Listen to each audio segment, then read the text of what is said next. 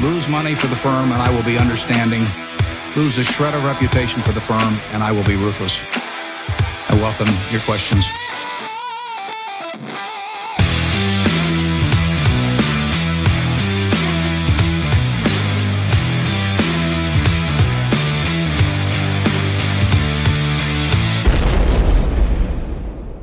Välkomna till Kvalitetsaktiepodden. Det är jag som är Ola. Ja, och det är jag som är Klas. Eh, Det här är avsnitt nummer 23 som spelas in torsdag den 23 augusti. Idag tänkte vi plocka upp några sena rapporter och eh, fördjupa oss lite mer än vad vi kanske gjorde senast när det var väldigt mycket rapporter. Vi ska prata storstädning i AK Group. Vi har fått lite frågor om det. Och vi ska också titta på hur oddsen ser ut framöver för Global Gaming 555. Och de är ju för allmänheten mer kända för sitt eh, största varumärke som är Ninja Casino. Just det. Nej, men lite mindre rapporter den här gången. Eh, rapportmatning och lite mer eh, analys och djupsnack här idag. Och eh, kul med Global Gaming. Vi ska försöka få med något.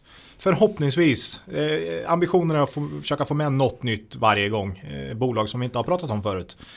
Två stycken idag. Två idag. Eh, Global Gaming och eh, Knowit eh, kommer vi ta upp lite här också faktiskt. Ja. Ja, Så- de kommer med i en liten eh, IT-konsult special här. ja. Så, så ser det ut. Och innan vi går vidare där så vill vi ju eh, tacka Börsdata. De har valt att samarbeta med oss. Kul. Japp, eh, hos dem hittar du alla, alla tänkbara gratis. Eh, hittar du alla tänkbara nyckeltal. Som du kan eh, vilja ha när du ska analysera bolag. Eh, så det är ju oerhört värdefullt. Ja, och eh, vi använder ju den här screenern framförallt jättemycket. Eh, då och då för att se om det trillar in något. Och man kan ställa in lite olika typer av eh, parametrar och vad du är intresserad av helt enkelt. Och kvalitetsbolag vet ju, det är ju vinst som gäller och gärna någon direktavkastning och bra balansräkning. Det är bara att ställa in och köra. Ja, det är, men det är ju också det är flera gånger per dag jag går in och bara när man hör om ett bolag som man kanske inte har varit i kontakt med på ett tag eller kanske faktiskt är helt okänt. Det finns en hel del sån också.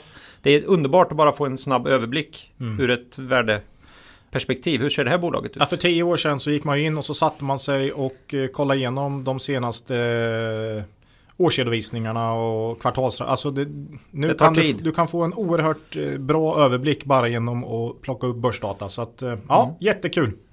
Så är det. Och innan vi eh, hoppar på dagens program här så vill vi påminna våra lyssnare om att aktieinvesteringar alltid innebär ett stort risktagande. Aktier kan både gå upp och ner i värde. Satsa därför aldrig kapital på aktier som du inte är beredd att förlora. Och det vi säger i podden ska aldrig betraktas som köp eller säljrekommendationer. Gör alltid din egen analys av bolagen innan eventuell handel. Ja, lite, ett lite aktuella eh, frågor här då. Eh, och när vi pratar aktuella grejer, då pratar vi aktuellt runt bolag. Och då Nolato, denna plastexpert. Ja, ja, man kan ju tro att eh, eh, IoT här, Internet of Things kanske, men eh, ja, tänk på värderingen. Ja, precis. Eh, nej, men vi pratade ju om Nolato här i våras och eh, sa ju att det var ett fantastiskt fint eh, företag, vilket det är. Eh, men värderingen är ju eh, väldigt, väldigt hög och nu har marknaden handlat ner aktien ganska rejält här sista tiden och det är ju så här. Höga värderingar skapar risk. Eh, Så länge tillväxten fortsätter, Nolato har ju haft fantastisk tillväxt framförallt senaste tiden på grund av de här E-cigaretterna. e-cigaretter, kallas det det? Ja. Ja, jag vet inte. Det är de här grejerna som man Ja, står och puffar in. Man och- ser ganska, eh, off, mer vanligt nu för tiden, absolut. Mm. Nej, vårat kontor är det några som brukar stå. ja. Nej, det är inte jag då menar du? Nej. Nej, nej. nej men alltså, eh, ja, de har haft extrem tillväxt där. Och man har ju varit tydlig här, mm, tycker jag också, som, från bolaget att man, det här är, eh, det är inte riktigt hållbart. Jag tycker det, det, liksom det, det står och Ja, nu har aktien tappat ganska rejält sista tiden och vi varnar ju för det med så hög värdering. Eh, Paradox släppte rapport här, hög värdering, bromsar in lite. Eh, Det finns många exempel på eh, från tid till annan, NetEnt här. När tillväxt bromsar in så får aktien ganska rejäla eh, kurssänkningar. Mm. Slakt kan man väl nästan säga i många av de här bolagen när, när inte tillväxten håller riktigt än. Mm. Eh, och eh, så är det. Har du hög eh, värdering så förväntar sig marknaden en tillväxt framåt. Och infrias inte den så kommer en kurslakt. Om du köper bolag med låg värdering så finns det inte mycket förväntningar på framtiden. Och är det då kvalitetsbolag du köper så kan du nästan alltid räkna med att en bra tillväxt eller en bra, bra vinstutveckling fortsätter. Ja, vi är nästan tillbaka i det här eh, frågeavsnittet där vi tog upp det här med gamla tråkiga bolag kontra snabba, heta, ja, växande. Snabba, heta har ju den fördelen att så länge tillväxten fortsätter så kommer ju aktien förmodligen gå oerhört bra. Mm. Men eh, just när den bromsar in så blir det ofta extrem nedgång och den risken vill inte vi ta där utan vi tar hellre ett tråkigt bolag som tuffar på till P10 då va. Och eh, ja, mm. inga förväntningar på framtiden och dessutom kan man ju fel på nedsidan att du säger att det kanske blir ganska bra tillväxt ett antal mm. år. Eh, och då kan det ju bli en, en dubbel effekt. Men vi, vi ser ju ofta att utifrån vårt sätt att se på det så försvarar ju inte alltså bolagen själva har ju inte sagt någonting Nej. som ska föranleda den här, så här drivna kurser. Nej, absolut inte. Det är ju oerhört ovanligt. Mm. Det är liksom inte mm. Fingerprint vi pratar utan här är ju företag som är helt öppna och transparenta. Och när vi tittar på vad bolaget säger och vi mm. litar på dem mm. så säger vi att nej, det här är, det är tokdyrt. Mm. Och Nolato har ju också pratat ner sig mm. själva konstant senaste åren. Ja, det, det alltså, är ett jättefint bolag. Ja, men de har sagt flera gånger att det här är inte, marginalerna är inte hållbara eller tillväxten är inte hållbar. Mm. Men de har faktiskt trummat på ja. och det kan ju komma något annat istället för e-cigaretter, vem vet? Men eh, just nu, P25 som det var här och nu vet jag inte vad det är, kanske P21 då. Mm. Jag vet inte, aktien har ju gått ner en del. Men eh, ja, tänk på det när ni köper högt värderade bolag. Då måste tillväxten fortsätta. Så är det. Mm. Annars blir det inte så roligt. Ja. Nej. Och det är inte helt lätt att veta. Nej. Det var eh, en liten utvikning runt Nolato med mm. lite mer, eh, vad ska vi säga, filosofi. Ja, man, man, kan ju nästan bolagsanalys. Säga, kan vi, säga. Man kan, vi drog det till generellt bolag med hög värdering. Ja, nu fick vi ett exempel här. Ja. Lite svagare rapport och sen slakt. Mm. Mm. Ja, eh, du har ju suttit och funderat lite på en slags IT-konsult special här. Det utlovade du redan förra mm. avsnittet där vi ju pratade om HiQ. Ja. Jag vet att jag sa att det här är våran favorit mm. IT-konsult och det är det. Mm. Det är ett fantastiskt bolag mm. men vi har den här kopplingen. Vad gör bolaget? Vad kostar de? Mm. Du har grävt lite här. Ja, Nej, eh, det är ju skillnad på bolag och aktier först och främst då. Eh, en, ett bolag kan ju vara fantastiskt men aktien kan vara dyr och det var väl lite så vi pratade om. Mm. Eh, den här gången sa jag också här nu, förra avsnittet var det väl att eh, vi får summera konsult, IT-konsultsektorn när vi har fått rapporter från alla. Det hade mm. vi inte då. För eh, HiQ kom inte med en bra eh, Q2. Och nu har vi faktiskt fått in eh, alla konsultrapporterna i stort sett skulle jag säga. Och nu kan vi köra en genomgång här. Mm. Och ja, för att se är HiQ fortfarande kung, kungen på tronen? eller hur ser det ut? Och summerar man Q första halvåret då för de svenska noterade IT-konsulterna och då har jag tagit HiQ, Acando, Softronic och Knowit. Mm. Som jag tycker är de eh, vassaste och bästa. Eh, så eh, HiQ som jag sa då förra avsnittet, omsättningen plus 3%, vinst per aktie minus 18. Ja, det är hårt. Det är hårt. Rörelsemarginalen 10,0. Mm. Mm, det är bra. Ja. Acando omsättning plus 17, vinst per aktie plus 20, rörelsemarginal 10,4. Softronic omsättning plus 18, vinst per aktie plus 35%, rörelsemarginal 10,0.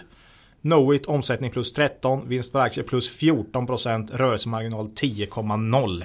Så oerhört jämnt här i marginalracet och det är ju där... För det är ju ett tufft race när man är konsult.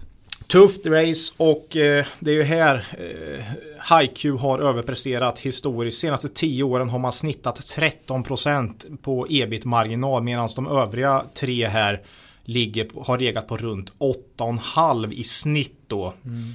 Och det är ju Så det mycket har varit- på sista raden. Ja men herregud, det har varit alltså 5 procentenheters skillnad mellan de övriga tre och eh, kungen då, HiQ. Och nu första halvåret 2018 är det identiskt. Till och med att Akando faktiskt har gått om på decimalnivå då. Ehm, ja, vad säger man om detta? Är det för kort tid för att säga att vi har ett tronskifte? Eh, och dessutom, vi har ju ingen eh, tydlig ny kung. Nej, det var ingen tydlig tronföljare här. Det är lite öppet här. Är, är det upplagt för någon form av... Ja, men då får vi väl gå tillbaka till det vi pratade om innan. Vad kostar de här? Mm, Vad kostar de? Ja, och då har vi HiQ P21. Vi har Akando P18. Softronic P18. Och Knowit P15. Så ser det ut nu. Så Knowit framstår som lägst värderat. Det som är lite uppseendeväckande tycker jag är ju att för 50 år sedan kostar ju IT-konsulter P10 till 15. HiQ då på 15 och de övriga på 12 kanske eller något sånt där. Nu är det ju liksom P20 här. Eh, Så det har blivit en ganska stor uppgång för konsulterna i stort. Det är högkonjunktur, det är toppmarginaler. Frågan är, är det något mer här? Kan det vara så att vi har en IT-trend som är mer hållbar över, liksom, folk satsar så hårt på det här uppkopplade samhället. Och Digitalisering. digitalise- ja. Kan vara, kan vara. Eh, men eh, om vi återgår då till en, liksom, göra en, en, en koll på de olika konsulterna mot varandra så är det ju ganska tydligt att HiQ inte har den här tydliga eh, första placeringen längre. Utan det är, det är ganska jämnt skägg. HiQ har tappat ganska mycket och de övriga har stigit. Och eh, ja, då är det väl inte riktigt rätt att de ska ha så mycket högre värdering heller tycker jag. Eh, Men man har bäst ut, eh, direktavkastning. Men man har ju delat ut en bra bit över vinsten och frågan är om man inte sänker i år. Man kan inte hålla på över tid och dela ut så mycket mer än, än vinsten. Nej, det, det Mm. blir svårt. Ja. Även om man har bra kassaflöde. Men, Men med eh, enkel matte som Buffett brukar prata om. Ja, den, den sätter jag. Det, det blir jättesvårt över tid. ja, du behöver inte vara liksom topp, toppspelare i bridge eller Nej. kärnfysiker. Nej. Nej. Eh, ja, nej men det, jag tycker det är ganska tydligt att Haiku inte är kung längre. Det är mer jämnt skägg här faktiskt. Och eh, utvecklingen under första halvåret för Haiku med minus 18% på vinst per aktie. Nej, det är inte bra helt enkelt. Men inte, inte samtidigt som alla de andra Går går, så väldigt bra. superbra här. Ant- Antingen om det, ja, det är delvis konjunkturdrivet kan jag säga. Men det är någonting mer här. Det är någon, eh, Mm. Det är någonting det är mer. någon sättning i marknaden här. Det är någonting nytt som kunderna vill ha eventuellt. Ja, eller att Haiku har tappat lite av sin edge. Mm. Eh, Jag vet inte. Eh, Och vi har inte haft någon lågkonjunktur än där vi har sett det här. Så man, man- får väl också se då hur, om Haiku klarar nästa lågkonjunktur bättre än de övriga. Kan ju vara så. Mm. Men nej, det är mycket insiderköp dock i Haiku senaste tiden. Så eh, de är, verkar inte vara så rädda för P20 då. Mm. Faktiskt. Ja. Ja, Nej, vi får återkomma här som vanligt. Mm. Det säger vi alltid. Och så får vi se om det kliver fram någon väldigt tydlig, tydlig tronarvinge här som vi kan. Mm. Eller om Haiku kämpar ner sin rival och tar sig upp på tronen Ja, igen. reser sig på nio. Mm, vi får se. Ja, de är ju absolut inte nere för räkning på något sätt. Nej, kanske nej. Men- Dålig liknelse, men man försöker. Ja, När man står här vid micken. ja. Ja, och tror att man ska kunna köra något bra. Ja, eh, det var jätteintressant. Mm. Ja, Mycket intressant. Vi får, vi får åt, eh, förmod, förmodligen återkomma till det här. Men eh, som sagt, Haiku är inte någon tydlig kung längre. nej. Eh, Det var de. Mm. Då går vi över till lite mer analysbitar här. eh, Q2-rapporterna. Titta på lite bolag. Ja. Tre stycken blir det idag. Mm. Börjar med ett av dina absoluta favoritbolag.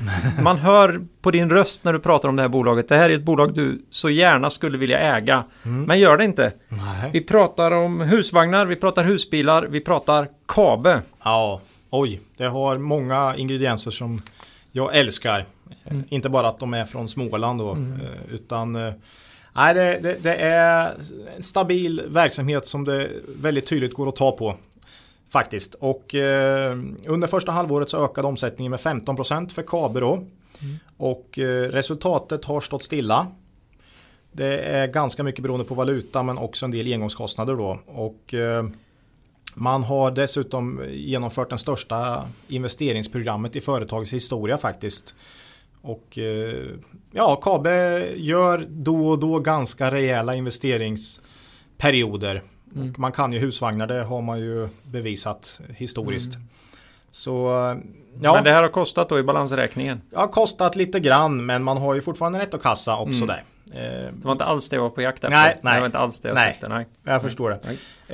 Eh, marknaden värderar Kabe nu till cirka P10. Aktien står i 155, jag tror alltså på 15 spänn i vinst ungefär.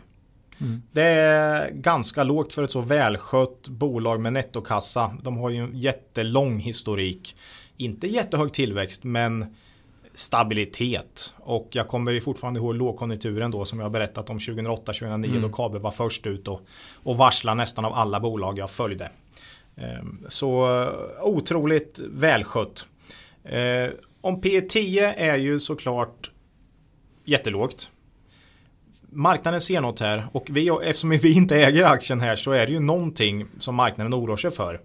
Och- Kan ju vara konjunktur. Konjunktur såklart, självklart. Det, det är ju så med husbilar och husvagnar. Kabe tappar ganska rejält på översta raden Mm. och nedersta raden 2008-2009 där. Men man eh, höll det på vinst hela tiden. Man var ute och varsla tidigt Mm. och eh, sa upp personal och sådär och sen vände det igen. Va? Eh, så man är jätteduktig. Jag tror att det här är ganska Kabe är ett jättebra långt ett bra bolag att äga på lång sikt. Jag tror det. Mm. Och eh, frågan är då varför köper jag inte? Ja, ytterligare dels konjunkturen. Du har ju dels det här de skriver om bonus malus nu i sin rapport. Mm. Jag vet Husbi- husbilarna här blir eh, jättehög skatt på för de har jättestora dåliga motorer. Mm. Eller de, ja, Ja. Relativt dåligt i den jämförelsen. Jag vet inte hur känsliga konsumenterna är för skatt och sådär. Eh, Det är svårt att säga. Eh, Kabe tar ändå upp det i sin rapport som någonting som kan påverka marknaden. Och bra... Nej, vi har ju, du och jag har ju pratat om det här med elbilarna också. Att de, de inte har dragkrok. Nej, just Nu det. ska vi inte dra runt på husbilarna men däremot husvagnarna då. Ja, just det. Behöver ju någon som Mm. släpar runt dem. Och Men- då, då passar ju inte en elbil så det är jättebra då. Elbilar är, kan ju i och för sig Skulle Ja. kunna vara ett, ett hot för Kabe. Ja, mycket, mycket effekt men eh, energin. Mm. Det är ju det här med batterierna va. Elhusbil då? Ja, den är ju lite rolig. Skulle kunna funka kanske. Ja, tycker man väl. Men eh, samtidigt. Ja, ja, kanske. Men alltså du vill åka väldigt långt ofta. Eller åtminstone vissa dagar. Nu ska vi marscha ner. Mm. Bra, där kom vi 22 mil. Mm. Räcker det om man dubblar det och kommer 40 mil? Det kanske inte räcker heller. Man kanske vill kunna komma 80 mil. Jag vet inte. Det, jag är ingen husbilsägare men det, ja, den, är, den är svår men bättre. Ja, jag tror Kabe garanterat kommer lösa de här över tid. Problem, pro, problemen. Mm. Jo men folk kommer ju vilja åka ut. Och, Ja, alltså hu- den drivkraften Mm. tror jag garanterat kommer finnas. Men det finns lite osäkerheter på kort sikt i Kabe. Precis som hela marknaden resonerar nu. Mm. Annars hade du inte haft P10 här. Nej. Eh, Jag tror att man kan köpa kabeln nu och eh, ha en hyggligt bra långsiktig ingång Mm. i aktien. Om man vill äga bolaget för alltid. Ja. Det, det, det, det, det, det, så känner jag Ja. liksom. Men, Nå- någonting för pensionsportföljen kanske. ja, men eh, det är jättesvårt att veta här nu på kort sikt vad som händer och den oron speglas ju också i dagens värdering i KABE. Mm. Ja. Så kan man väl sammanfatta läget. Mm. Eh, Men jättefint bolag och eh, välskött. Ja, fantastisk ledning. Mm. Bra, då går vi vidare till ett annat sånt här ständigt återkommande bolag som vi inte kommer släppa på länge än tror inte jag. Nej. Så länge de presterar som de gör. Eh, Vi pratar etiketter till kläder och prislappar och såna här sköna grejer. Nilörn, också Ja. ett fint namn. Ja, det är härligt. Eh, här har vi ju, vad ska jag säga? Det är ju business to business. Riktigt tråkigt. Eh, sånt som vi gillar. Verkligen. Mm. Kabe om det liksom kör, det är något man kan ta på. Det är ju ingen som har någon större relation till Nilörn-gruppen. Det är liksom etiketter och kartonger och, och förpackningar och sånt där. Ehm, här kom Nilörn in med en ganska stabil Q2 idag faktiskt, så rykande färskt. Mm. Omsättningen plus 8%, ebit plus 13 och vinst per aktie plus 15%. Fina siffror rakt igenom och eh, eh, den typen av bolag vi gillar. För historiken talar för sig själv här tycker jag. 10% omsättningstillväxt ungefär i snitt senaste åtta åren. Och eh, nu hamnar man alltså på 8 då i, i Q2. Ebit-marginalen har under de här senaste åtta åren pendlat mellan 10 och 14 procent. Så väldigt stabilt får man säga. Just nu ligger den mitt i spannet då på 12 procent. Eh, man har noll i nettoskuld. Och eh, P1 nu 13. Man har väl gjort en väldigt kraftig bakåtintegrering här också. Och skaffat sig produktions... Mm. Mycket man, större kontroll över sin produktionsapparat. Man har eh, öppnat, eller, ja, öppnat upp en stor anläggning i Bangladesh. Mm. Där man har börjat med produktion, man har fått upp kvaliteten. För innan har man köpt in en hel del också. Va? Och eh, man har fått upp kvaliteten och eh, kan styra sin produktion mycket snabbare helt enkelt. Och dessutom fått upp bruttomarginalen. Mm. Så, och där vet ju vi för att vi lita på dem när de säger det. Till skillnad från andra typer av bolag där vi inte alls skulle lita på Nej. att det är så. Nej, Men det vet vi. Säger Nilund där så är det sannolikt så. Jättebra kommentar där tycker jag. För att eh, det här är ju sånt vi läser i kvartalsrapporter eller i intervjuer. Mm. Det Men vi har så... inte varit i Bangladesh nyligt. Nej, vi vet inte. Vi har Nej. ingen aning om det står där. Men mm. bra, alltså det är så oerhört viktigt att ha ledning och så som du har förtroende för och lita på. Så vi, vi gissar på att det är så i Nilörns fall. Som jag sa, P13. Eh, mm. Ja, det är inte dyrt för ett bra välskött bolag och 5% direktavkastning. Eh, så kommer det ingen kursuppgång här så kan du kan du få en bra utdelning under tiden. Mm. Så att säga.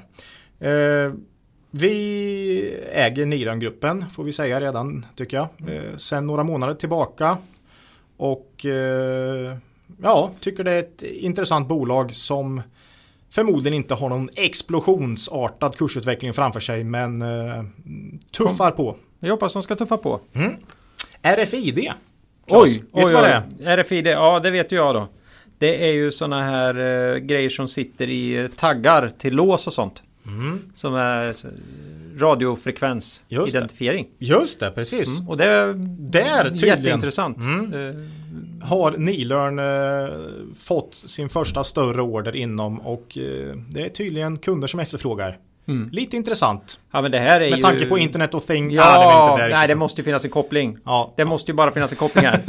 Så då är det... Du har P30. Nej. Det här med tuffa på. Vi släpper det. Ja. Nu är det... Nu är det liksom EOR Systems här ja. på, på Nilörn. Nej, ja. det är inget internet och things-bolag här. Men eh, det är ändå lite kul att de får lite nya... Jag, jag tror mer det är så här. Det har efterfrågats och de löser problemet. Mm. Mm. Så... Mycket, ja, lite intressant tycker jag. Som ja. en liten eh, bonusgrej. Ja, det är kul när det börjar hända saker. Det där har ju funnits i typ 20 år eller mm. något sånt där. Har, har alltid varit på gång och det används jättemycket. Men eh, just det här, liksom RFID-taggar i allting. Mm. Varenda pryl du har eller varenda förpackning. Mm. Jag har ju varit, jobbat en del i avfallsbranschen tidigare och där är det ju en liten dröm att varenda grej ska komma med en RFID-tagg. Så man kan sortera bort. Så man verkligen kan sortera saker i, mm. i rätt hög så att ja, säga. Ja, just det.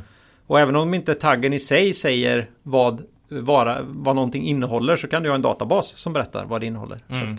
Det är, alltså RFID-taggar på deras, på Nilörns eh, produkter. Ja. ja. Så intressant. Får vi se vad det blir. Det är säkert pyttelitet men eh, mm. spännande. Ja. Mm. Eh, ja, så Nilörn. Eh, vdn är positiv här också inför andra halvåret. Och eh, för de kommande åren. Och vi litar på bra ledningar. Så vi hoppas på det. I det här fallet behöver inte det betyda något explosionsartat utan det betyder förmodligen att de fortsätter att göra bra saker i ja. hygglig takt. Ja, 10 tillväxt. Att de försöker hålla sin position på marknaden. Mm. Man har 7% långsiktigt mål mm. för tillväxt. Så om man har legat på 10 i snitt sista tiden. Det är också snyggt tycker jag att man överträffar dem där. Och, ja, det... ja, det här är en överlevare från tekoindustrin i Borås berättade du för mig innan. Ja. Det hade jag inte tänkt på. Jag Nej. bara visste att de fanns. Jag tänkte ju det var Småland då. Det är det inte riktigt, det är Västergötland. Ja, men det är, det är ändå fint. Ja. landsbygda. Ja, ja, ja, ja det, det är fint där ute. Mm. Mm. Så att eh, det var Nilörn. Ja. Tuffar på. Tuffar på, bra sammanfattning. Ja, då ska jag försöka ta ett bolag här då eh, som vi inte har pratat om innan. Och det här är ju inte vad vi normalt sett skulle säga ett kvalitetsbolag. Men det är många som har velat höra. Vi har pratat spelbolag. Mm. Då har man kommit tillbaka med Global Gaming 555. Mm. Och som vi sa i inledningen här så är det ju Ninja Casino, deras varumärke då som man märker av. Det är ju en sån här enorm reklam eller har varit i alla fall, extremt mycket reklam för dem då. Mm. Och hur kan du säga att det inte är kvalitetsbolag? Ja, det finns ju ingen historik. Nej, de kom till nej. börsen, de har ju inte varit på börsen ett år. Nej. De kom till börsen i oktober 2017. Men vi, Men det finns, vi har ju mer data. Mm. Men vi brukar ju säga att man vill ha 5-10 år någonting i alla fall för att kunna känna att det finns någon trygghet i det. Lära Åtminstone- känna ledningen. Ledningen måste få chansen att lite också långsiktigt ha en åsikt om sin bransch och sitt Mm. bolag Ja. och lova saker. Och sen antingen leverera på det eller kunna förklara varför det inte blev så. Och, ja, Man måste kunna se att det här är ett bolag som har någon slags Nej, jag ville bara höra varför... stadga. Ja. Nej, det här är, ja, Ja, det är viktigt. var det är viktigt. Och Det var många hårt. frågar också. Eh, Ja. Just vad är ett kvalitetsbolag? Ja. Eh, Just det här med historik och eh, leverans över tid är ju en mycket det är ju A och O här. Mm. Så det är väldigt svårt att säga i de här bolagen som inte har... eh, Konsistenta ja. bolag. Ja, Mm. ah, shoot. Så det här har ju gått sådär kan man säga. Tillväxten har ju varit ynka 1000 procent då. på, på, de, på, de, på de åren vi har sett dem här. Nej men det här, det här hör ju till saken här då. De som frågar, man uppfattar att det här är billigt. Eh, och det drivs ju av Ninja Casino. Och det här kasinot var det första då som fullt ut satsade på online-spel utan konto. Och det här är ju en grej då, tack vare att det finns bank-id då så har man då kunnat låta folk komma in, sätta in pengar kopplat. Alltså man identifierar sig och så sätter man in pengar och när man har spelat en stund då får man med sig pengarna ut igen. Oh. För det här är ju en grej då när man spelar på traditionella kasinon då loggar man in, man blir en användare, man får ett konto. Mm. Och som du brukar säga det tar max fem minuter att sätta in pengar.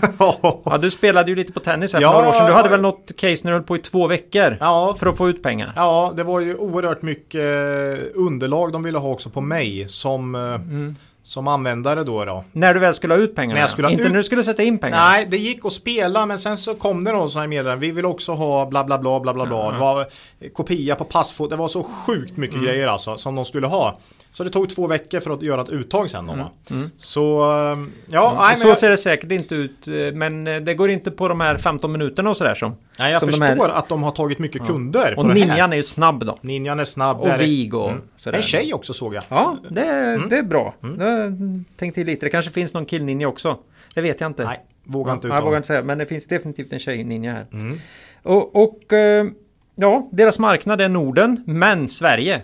Kan man säga. De säger Norden, men Sverige. Vi vet inte exakt. Vi tror att det är någonstans 60. 65-70 procent. Oj, så mycket. Är, är Sverige och Ninja Casino är liksom the shit kan jag säga här. Varför de? Mm. Och eh, de kom ju då med en resultatmässigt som vi då tycker mycket fin rapport för Q2. De hade en omsättningstillväxt på 130 procent. Mm. Och det, det tycker man ju då, de som följer det här, att det är ju... Det här taktar ju ner va? Eh, har ju legat på 400 procent och Ja. 250 procent tidigare kvartal och sådär. Ja. Och, och ännu värre blir det väl om man tittar på sista raden. Då har de bara en vinsttillväxt på ungefär 40 procent. Pratar vi Niler nyss då med Eh, Men- tillväxt men på vi- 8 procent. Ja, men om vi då tittar och det här skulle varit ett kvalitetsbolag där vi ser att det här är någonting lite mer konsistent. Vad skulle vi värdera det här Ja, bolaget då är det till? liksom P40 helt plötsligt. Om Ja. de, har den här Ja, vi kanske konsistent. inte skulle ge dem, men, men de skulle ha den värderingen. Ja, de det är definitivt. Och istället så om man tittar då rullande bakåt ett år här så är de på cirka P8. Oj. Och eh, Något. frågan när man ställer frågan till oss, vad tror ni? Då vill ju vi försöka fundera ut, ja vad kan det här vad kan vi sätta för P framåt då? I alla fall på ett år eller någonting sånt där för att, för att börja fundera. Och då får man problem. Mm. Jätteproblem här. Och det är främst två stora osäkerheter som finns kopplade till det här bolaget specifikt skulle jag säga. finns andra också. Men, men just om man tittar så, så är det första licens, spellicens och skatt i Sverige. Ja. De har 70% av marknaden, sin marknad i Sverige. Mm.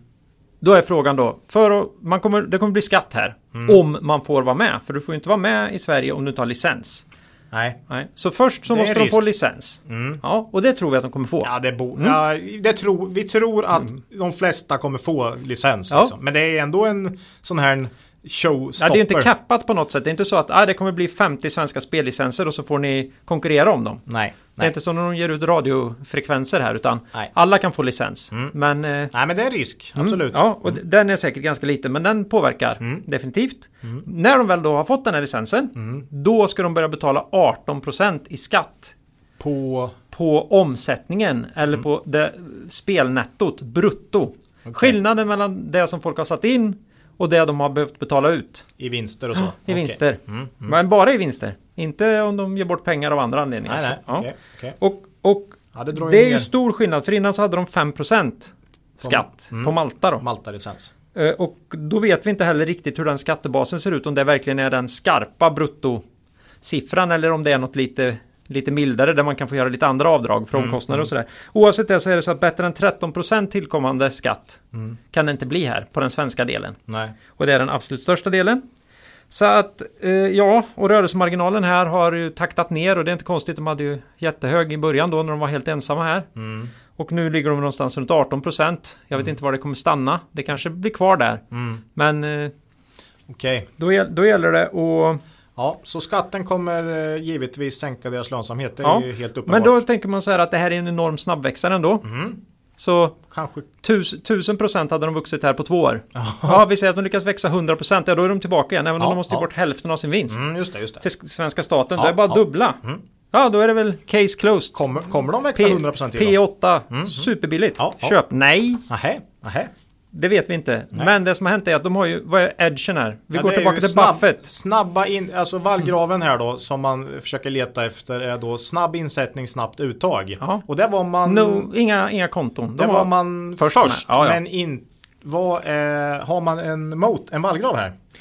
Nej, för att idag då så de senaste kasinorna som har kommit upp, om Mm. ni lyssnar på reklamen, de är vad de heter kan man säga. Okej, vad heter de då? Speedy Okej. Casino va? Ja, No account. oj. Ja, de, är Casino. så, de är så tydliga. Det- Okej. Men Ninja tyckte Jag var tycker de ganska... ger sig på deras, deras okej. mot där. Och Ninja sen- tyckte jag ändå var lite snyggt. Det är någon som är snabb va? Men in, ja, okej. Men då har du ju Spela snabbare på snabbare.com Ja, ja. Kommer nu va? Okej, okej. Så att, och utöver dem då, Mm. som, som har det som, de, alltså, de har skaffat kasinonamnen Ja.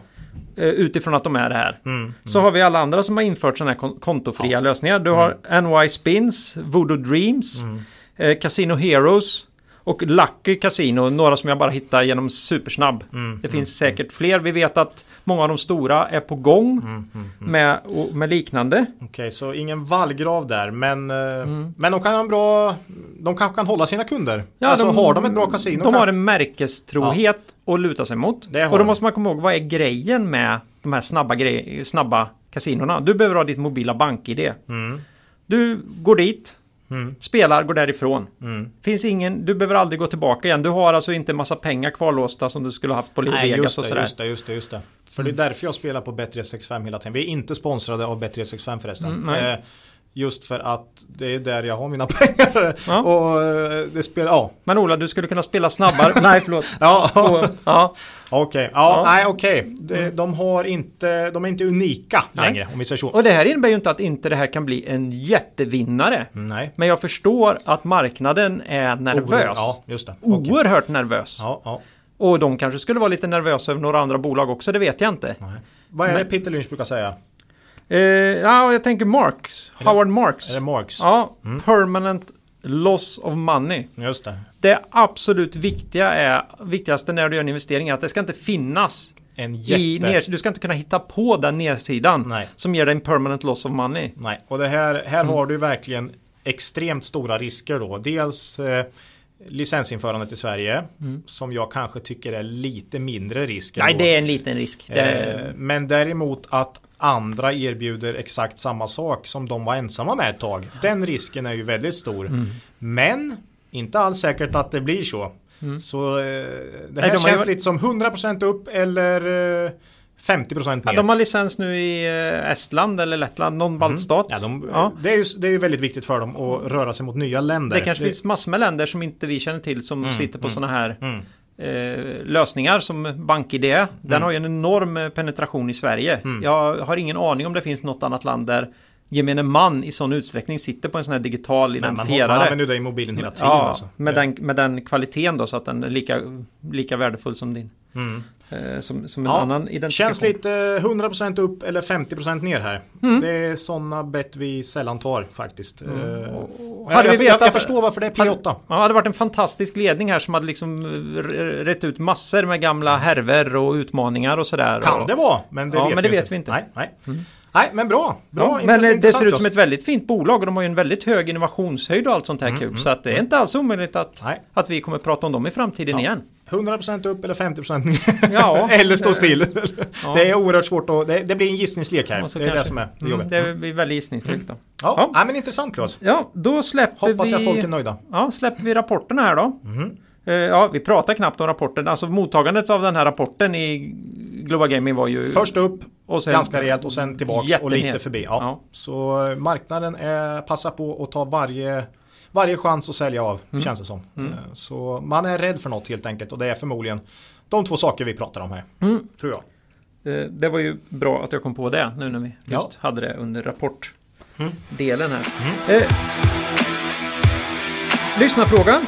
Ja, vad är det idag? Ofattbart nog är den ju bolagsanknuten då. Nej, inte alltid. Absolut Ja, men inte. idag. Idag? Ja, det är det som är helt galet. Ja. Och eh, vi, vi ska försöka diskutera lite runt det här. Men vi har ju fått frågan vad händer i AQ Group? Just det. Det har ju inte sett så jättekul ut om man har tittat på kursen. Nej, eh, här har vi ju faktiskt en dramatisk nedgång eh, senaste året. Eh, från eh, 240 kronor till ungefär 130 eh, på drygt ett år. Och eh, aktien handlades för ett år sedan till cirka P20. Och eh, ja, då hade vi ju 12 kronor i vinst för 2017 och aktien stod i 240. Det är P20 och eh, nu är vi 130 spänn. Så jag uppskattar vinst per aktie för nästa år då, 2019 till ungefär 13 kronor. Då är det helt plötsligt P10 då. Mm. Vad har hänt? Det är det man frågar sig. Och det är det den här lyssnaren också frågar. Vad händer i AQ? Eh, jo, eh, nedgången beror ju eh, med all största säkerhet på den här lönsamhetsnedgången som vi har sett i AQ under våren. Och eh, som grädde på moset här nu så kom man ju ut med eh, ett pressmeddelande för några dagar sedan om att man ska sätta ett av sina dotterbolag i konkurs. Och tar en smäll där på 70 miljoner som kommer belasta Q3. Mm, och man, samtidigt som man avslutar den här avvecklingen här då. De, Mm, av de två andra. Andra. Eh, Och eh, det ena av de här två andra där man har avvecklat under våren och kostnader för den här avvecklingen har löpande belastat resultaträkningen under våren då. Eh, Det ena är ett bolag i Ludvika och det andra är en produktionsenhet i Thailand som man startade för några år sedan som inte har fått upp lönsamhet. Man följde med någon kund där men där man har tappat det kontraktet då. Så det som är kvar där flyttar man produktionen till Kina. Ludvika tror jag också man skulle sprida ut på andra enheter i Sverige. Men de bar sig inte själv helt enkelt. Segerström heter ju det här, eh, Segerström och Svensson tror jag det heter, det bolaget man nu har valt att sätta i konkurs. Och det har ju verkligen eskalerat förluster under, våret, men, under våren här. Men det har ju varit ett väldigt olönsamt bolag under många år. Sen man köpte det då faktiskt nästan för, man köpte ett konkursbo 2009. och trodde att här ska vi vända. Det där har jag sett så många gånger också. Eh, Ett av de bästa exemplen är nästan ACAP, ett eh, konglomerat för en 10-15 år sedan som köpte någon form av, eh, ja det var någon produktion av biobränsle. Eh, Kommer jag ihåg, för en krona. Mm. Alltså det, det är så sällan det här funkar va. Och eh, det är liksom köpa något eller få någonting. Det, det är liksom någon vill, någon vill skänka bort något. Mm. Mm. Det- Varför gör någon det? Mm, precis. Nu har ju AQ en väldigt bra historik av att vända lite svagare bolag till lönsamhet. Men här har man alltså inte lyckats. Och man fattar då det drastiska beslutet här att sätta bolaget i konkurs. Och aktien har ju gått ja, totalt bananas och bara slaktats här faktiskt. Eh, framförallt på den här nyheten. Men även på en ganska svag eh, Q2. Eh, ja, som sagt, AQ rullar inte tummarna. Och det har de inte gjort historiskt heller när de har haft olönsamma delar. Man har pressmeddelanden från i stort sett varje år här. Med varsel, omstruktureringar, nedläggning. Man skär bort eh, dotterbolag som inte presterar. För man är en, en koncern med 25 dotterbolag ungefär. Och eh, löpande skär man bort det som inte riktigt funkar. Och mycket senaste tiden har ju varit i Sverige. Där man har då lagt ner eller omstrukturerat och flyttat produktionen utomlands. Mm. Ja, och eh, varför gör man det här just nu då? Den frågan är ju relevant.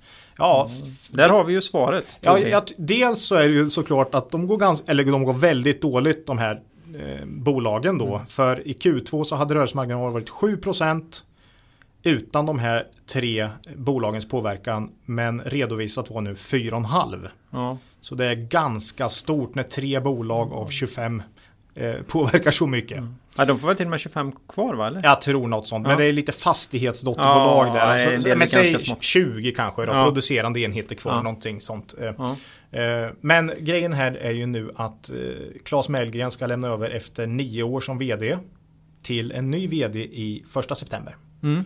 Och vad brukar man göra vid vd-skifte allt som oftast Claes? Ja, jag brukar säga att nya vdn brukar städa. Mm. Men här är det ju ett kvalitetsbolag så då är det väl så att gamla vdn uppenbarligen städar då för att lämna över ett rent bord då till sin.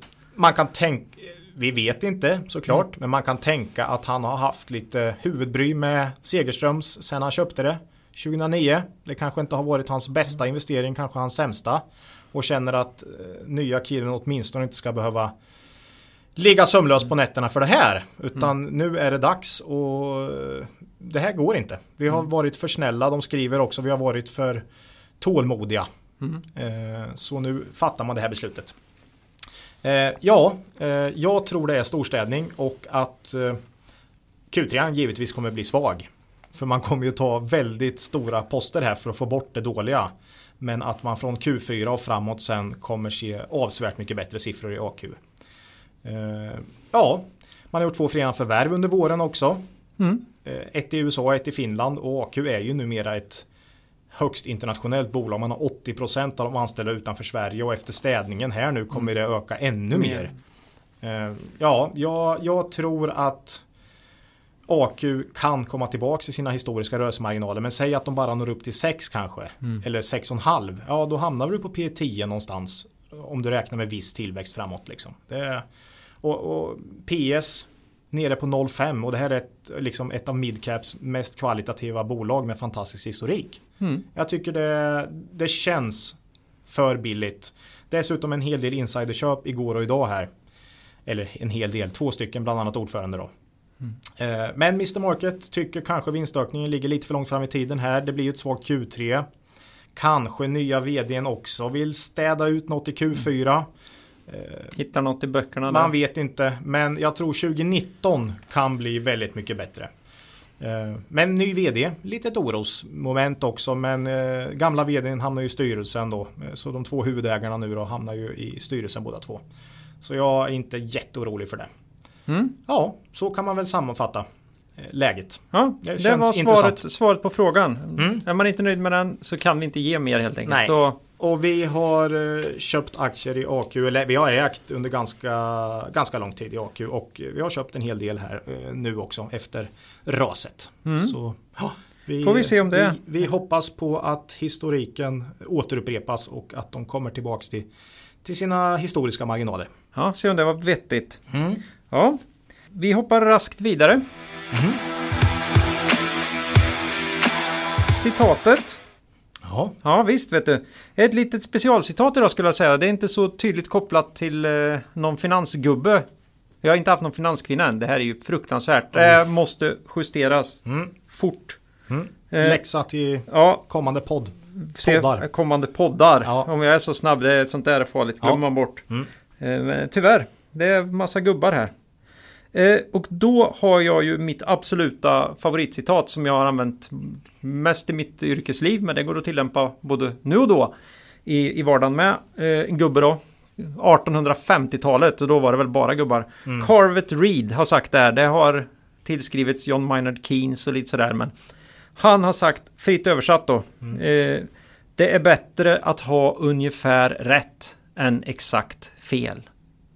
Ja, det där har ju både du och jag har använt eh, jättemycket. Ja, för att försvara vilken liv. ståndpunkt som helst. Nej. Ja, nej, men det där är ju jätteviktigt och inom investeringar också tycker jag. Man använder det hela tiden och det går ju att överföra på Buffett med tycker jag. Med att eh, Ja, du behöver inte vara eh, matematiker eller bridgespelare på högsta nivå för att kunna hålla på med aktier. Utan det är sunt förnuft och ta in helheten eh, och få med, få med alla delar men inte baka in det till något form av slutsiffra. Fra, som, så är det. Mm. Nej, jag, jag brukar ju se den här på två, på två olika sätt. Och det ena är ju att inte avgränsa sig. Mm. Att, att verkligen hell, in, inte vara rädd för att försöka ta med allting som har av betydelse. På något sätt måste, kan man överhuvudtaget, ser man att det här har betydelse Mm. och jag kan överhuvudtaget inte gissa mig till hur det kommer ha påverkan nu på det jag observerar. Mm. Vi kan säga ett bolag här då för att göra det enkelt. Kan ju inte ignorera det bara för det. För den, det är ju det motsatta som jag tycker jag väldigt ofta ser. När jag själv ibland, men även andra, ska ta fram den här exakta siffran. Ja. Och då väljer man att grä- avgränsa bort. Det är ju ganska vanligt inom forskning Ja, tyvärr, ja. alltså inom Ja, men vad samhällsvetenskaplig ska man forskning. göra? Alltså, det, Ja, man kanske måste nästan- acceptera. För att för saker är ofta väldigt, väldigt gråa. Mm. Och det är det som är så farligt. Man, man väljer att, att Mm. säga Ja, elbilar är väl en sån här klassiker. Det måste ju vara kanon för att bensinbilen är så dålig. Mm. Eller alternativet är så dåligt. Det är ju helt irrelevant analys. Mm. Det är ju bara intressant. Vart kommer den här elen ifrån? Mm. Du kan inte jämföra på den nivån. Du måste jämföra med var bränslet kommer ifrån med var, Mm. vart bränslet elen kommer ifrån. Nej, jag kör en elbil, den är utan utsläpp. Ja, ja. Det, det är liksom, det är den. Det är, en, det är en sån klassiker Ja, man kommer fram till. Och, ja, den är noll. Mm. Och det skriver man ju också på Sen bilarna. är ju du för elbilar vet jag. Ja. Men, eh, men just den Självklart. avgränsningen när folk säger Jag har att de har den zero, analysen. emi- zero emission står det ju på. Mm. Ja, för jag är helt övertygad om att vi kan jobba vidare och försöka hitta eh, grön el. Mm. Och, eller grön el kanske man inte säger, men eh, Sol el vind som, och el som möjligt. straffar klimatet väldigt mycket. Mm. Eh, mindre. Men det är där vi behöver jobba, det är där utmaningen finns. Mm. I, inte i att ersätta bilarna. Eh, det gör vi med lätthet sen. Mm. Det svåra här kommer vara att få fram energi. Nej, men tillbaka till citatet. Mm. Jag tycker förutom det här som vi har pratat om nu så är det även det här med säkerhetsmarginal. Margin of safety. Att Mm. Ja, ja, ja. I och med att du inte behöver ha, att du inte kan ha exakt rätt va. Så måste du ha en bra marginal för att det är så mycket osäkerheter så att och du vet ju så lite. Vi brukar säga att du kanske har 20% av framtiden kan du veta ungefär när du eh, räknar på ett bolag och vdn kanske har dubbelt som 40 då. Ehm, Hur ska du då kunna komma fram till en exakt siffra utan du måste ha en jättestor säkerhetsmarginal eller åtminstone så stor så du känner dig trygg va. Och eh, har du det då kan du köpa och där har ju Buffett också eh, jättemycket och, och eh, Ben Graham såklart. Och eh, ja, kvalitetsbolag. Och Marx, är ju, som ja, vi tog upp Fördelen med kvalitetsbolag då som vi kan återkomma till här är också att då har du ofta lite tryggare. eh, Det är lite lättare att göra prognoser för de brukar avvika lite mer än eh, svagare bolag i, i utveckling. Lite mindre. Lite mindre. Ja. Mm, precis. Ja. Nej men intressant. Ja, så det var Carvet Reed. Carvet Reed. Mm. Fick jag lära mig något nytt. Ja, eh, då är det dags att knyta ihop säcken. Eh, nästa avsnitt kommer onsdagen den 5 september. Jaha, Ja, inte då- torsdag som Nej, det är två veckor. Mm. Men eh, då känner jag så här att om man nu nödvändigtvis vill lyssna på det på torsdagen så är det bara att vänta en dag.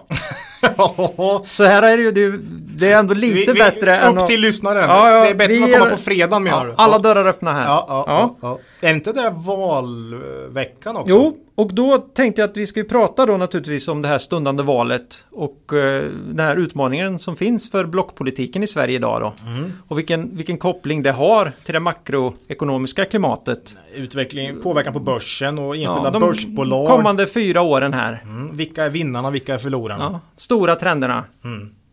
Eller nej, så... nej, nej, nej. Vi skippar det. Nej, det skippar vi. Vi, vi kommer nog... eh, Vi ska rösta. Ja, det ska, Det ska vi göra. Men, det ska vi definitivt. Men eh, vi tänker nog prata lite grann om bolag och eh, fundamental analys. Ja, det är det vi är bäst på och det är det vi väljer. Inte så mycket Vi makro. tror oss vara bäst. Tror oss vara bäst på. Relativt annat som Precis. vi är skitdåliga på. Ja, men Ja. det brukar också Buffett säga. Du behöver inte... Och, alltså, vet. Know your eh, space. Så att ja, ja. Så där är det. Mm. Ja, missa inte det. Och så mejla oss gärna på kvalitetsaktiepodden gmail.com Mm. eller Twitter och Facebook där vi finns. Mm. Eh, och då är det ju som vanligt frågan, har vi någon makro värd att ta upp Ola? Mm, nej, inte då heller. Ja, har du någon teknisk analys då? Mm, nej, men du har kanske något. Ja, jag har ju blivit fruktansvärt intresserad av teknisk analys, framförallt sen vi började med den här podden. Mm, ja, jag har förstått det. Och eh, nu på senaste då, på förekommande anledning som ni kommer märka har jag funderat på Charles Dow här, mannen bakom eh, Dow Dow Jones. Jones, Index. indexet framförallt. Mm, mm. Han är ju den tekniska analysens eh, fader. Okej. Och eh, det är väl allmänt bekant att han grundar ju hela sin teori eh, om de här olika långa kurstrenderna på när han observerar tidvattnet. Hur det förändras över året och vågorna Du skämtar? i, i de här olika. Nej. Det, det var så? Ja. Okej. Eh, och sen vet jag inte mycket av det han lyckades föra in då. Men det var där det startade.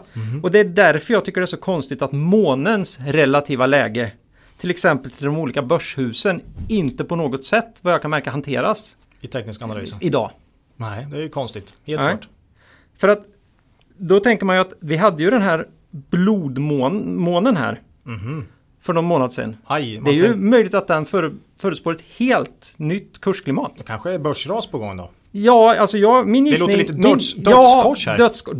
Ja, dödskors. Min gissning är ju då naturligtvis eh, rent tekniskt att index eh, ska ju ner. Mm. Men det kan ju också betyda att det här är inprisat så att det ska Upp. upp Mm, det. Eller kanske bara sidledes. tuffa på. Ja, Nej, det, men- det får vi se. Mycket intressant Claes. Ja. Intressant. Det får vi se. Tack för den. Mm. Ja, den, den bjuder jag på. Eh, eget ägande Ola. Eh, Ja, Nilörn. Nilörn och AQ Group nämnde vi. Mm. Det är de vi har pratat om ja. Så var det. Eh, så då säger vi hej då för den här gången. Och kom ihåg. Det är först när tidvattnet drar sig tillbaka som du får se vem som badat naken. Lose money for the firm and I will be understanding. Lose a shred of reputation for the firm and I will be ruthless. I welcome your questions.